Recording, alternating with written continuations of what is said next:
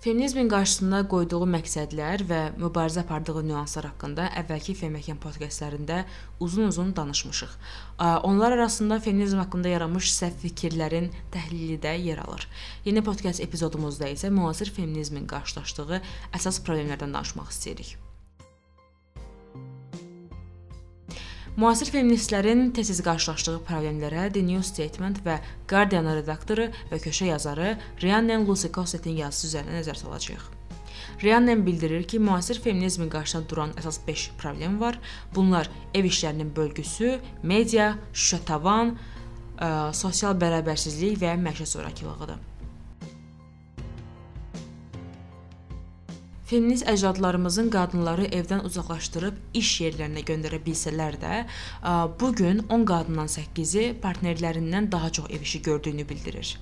2012-ci ildə Teleqraf qəzetinin yazdığının əksinə, bərabər ağırlıqda bölünmüş ev işləri nə boşanmaya, nə də depressiyaya yol açır. Ev işini qadınlar görməlidir. Mifinin yaranma səbəbi isə iş dünyasında qadınların kişilərdən daha az maaş alması və dolayı yolla öz işlərinə atmaq ehtimallarının daha çox olmasıdır. Yəni qadınlar üçün biznes, iş-güc bu gün var, sabah yoxdur. Ona görə də onlar bütün həyatlarını ödənişi belə olmayan ev işlərinə həsr etməlidirlər kimi bir fikir formalaşıb. Bunu 21-ci əsrdə danışmağımız gülüncdür, bilirəm, amma gəlin biz demiş olaq, evdə qalmağı seçmək özü belə digər işlər qədər təqdirə layiqdir və çarəsiz ev qadınları romantikasına qapılmağa ehtiyac yoxdur. Amma təəssüflər olsun ki, bir çox qadın nə tam olaraq evdə qala bilir, nə də yalnız öz peşəsini icra etmək sərbəstliyinə sahib olur. Çünki maddi və sosial olaraq onlar həm çöldə, həm də evdə işləməyə məcbur edilirlər atalıq məzuniyyəti, subsidiyalaşdırılmış və xüsusi körpəyə qulluq mərkəzləri, bərabər maaş imkanı və ya sadəcə İsveç və Finlandiyaya bənzəmək ev işlərinin bərabər bölgüsü problemlərini həll edə bilər. Amma təəssüflər olsun ki, bu həllər Azərbaycan reallığı üçün çox uzaqdır. Media Qadınlarla bağlı stereotiplərin yaranması və insanlar arasında məşhurlaşmasında medianın nə qədər böyük bir rol oynadığını hamımız çox yaxşı bilirik. Və bunlar çox işlədilən nümunələr olsa belə, dəb jurnallarında gördüyümüz eyniləşmiş qadın bədəni, arıq yoxsa kök qadın müzakirələri yanlışdır. Bir araşdırma nəticəsində məlum olub ki, 7 yaşlı qızların 70%-i arıq olmaq istəyir. Digər bir araşdırma isə göstərir ki, Britaniyalı qadınlar 15 dəqiqədən bir öz bədənlərinə görə narahatlıq hissi keçirirlər. Body positivity və buna bənzər cərəyanlar vasitəsilə qadınlar bədənlərinə olan nifrətlərini azaltmağa cəhd göstərirlər. Amma təəssüf ki, bu proses çox yavaş irəliləyir. Endangered Bodies UK Feminista və Anybody kimi təşkilatlar bu mövzulara ciddi kampaniyalar aparır. Gənc feministlər isə reklamçılara qarşı lobbiçilik edir və öz səslərini eşitdirməyə və mediada yaranan və reklam dünyasında eyni şəkildə ə, sərgilənən bu qadınlarla bağlı olan stereotiplər və qadınlara davamlı təhlil etmək kimi vərdişləri yox etməyə çalışırlar. Yalnız stereotiplər deyil, podkastın davamında sizlə bölüşəcəyimiz qadınlara qarşı zorakılıq, məişət zorakılığı mövzusunda medianın da seksist yanaşması gözə görünəcək qədər aşkardır. Kişilərin törətdiyi cinayətlərdə zərər görən qadınlar eyni zamanda media tərəfindən də günahlandırılırlar.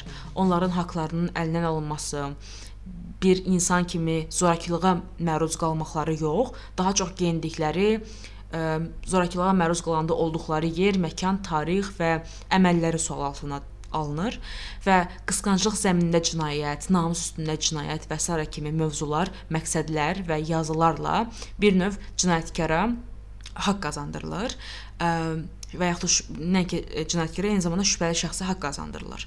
Müasir feminizmin e, mübarizə apardığı məqamlardan biri də elə ona görə mediadır. Xəbər yazarkən seksistlik edən və antihumanist yazılarla yadda qalan media platformaları ictimai şuurun yanlış formalaşmasında rol oynayırlar.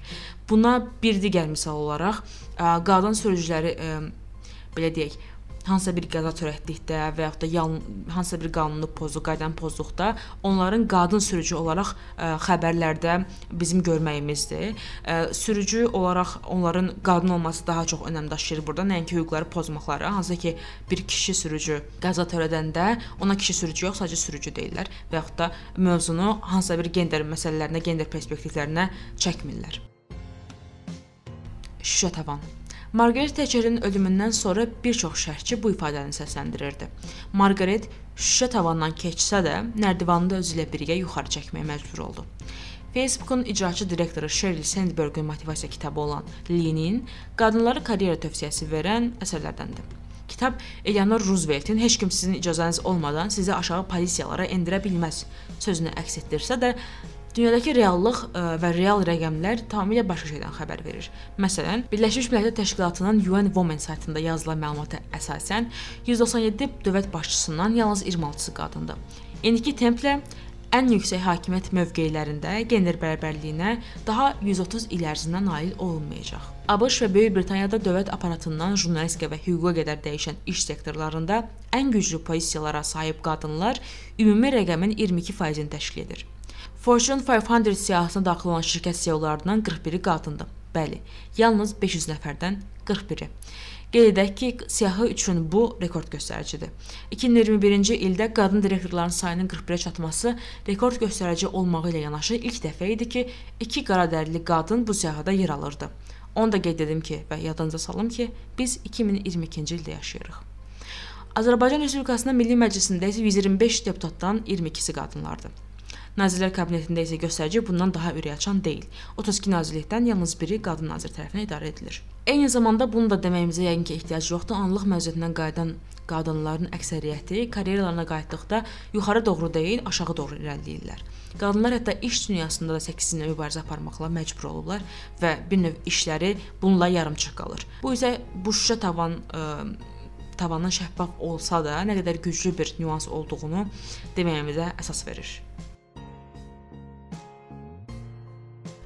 Sosial bərabərsizlik. Böyük Britaniyanın Milli Statistika İdarəsinin məlumatına görə övladların tərbiyəsini öz üzərinə götürənlərin təxminən 58%-i qadınlardır. Tam ştatlı işləyən qadınlar hələ də tam ştatlı işləyən kişilərə nəzərən övladlarının qayğısına daha çox qalmalı olurlar.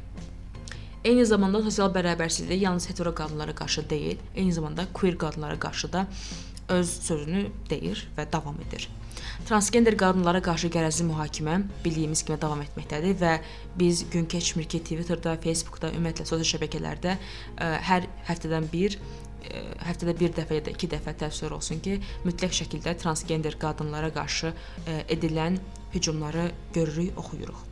Lezbiyan qadınlar Böyük Britaniyada qey kişilərə nisbətən daha çox ailə seçkiliyə məruz qalırlar və Böyük Britaniyada sığınacaq axtaran qardərli qadınların ölüm nisbəti ağdərli qadınlara nisbətən 7 dəfə yüksəkdir. Bu olduqca acınacaqlı vəziyyətdir və statistikalar göstərir ki, irq, əlillik, cinsi orientasiya və gender məsələləri tez-tez birləşərək müəyyən qruplar üçün həddindən artıq əlverişsiz və narahat reallıq yaradır və Bu yenə hamımıza məlumdur ki, çox vaxt bu reallığın pis təsirlərini məhz qadınlar görür.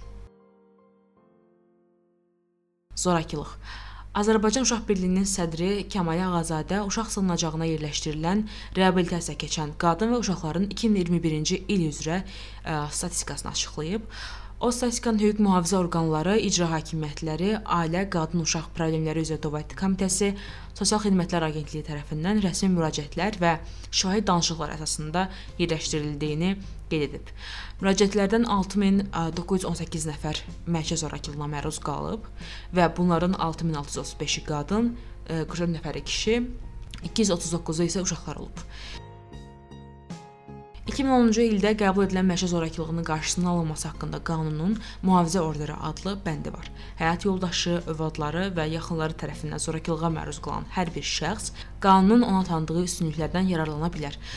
Bu üstünlük ya 1 aylıq ya da 6 aylıq olur. Yəni uzun müddətli və ya qısa müddətli mühafizə orderi əldə edilə bilər və gələcək epizodlarımızda mühafizə orderlərinin əldə edilməsi üçün lazım olan prosedurlardan və ümumiyyətlə bunun çətinliklərindən və eyni zamanda onun bizə verdiyi hüquqlardan danışacağıq. Və beləliklə 10-cu epizodumuzun sonuna gəldik çatdıq. Film söhbətlərin yeni epizodunda dinlənmək ümidi ilə Hey.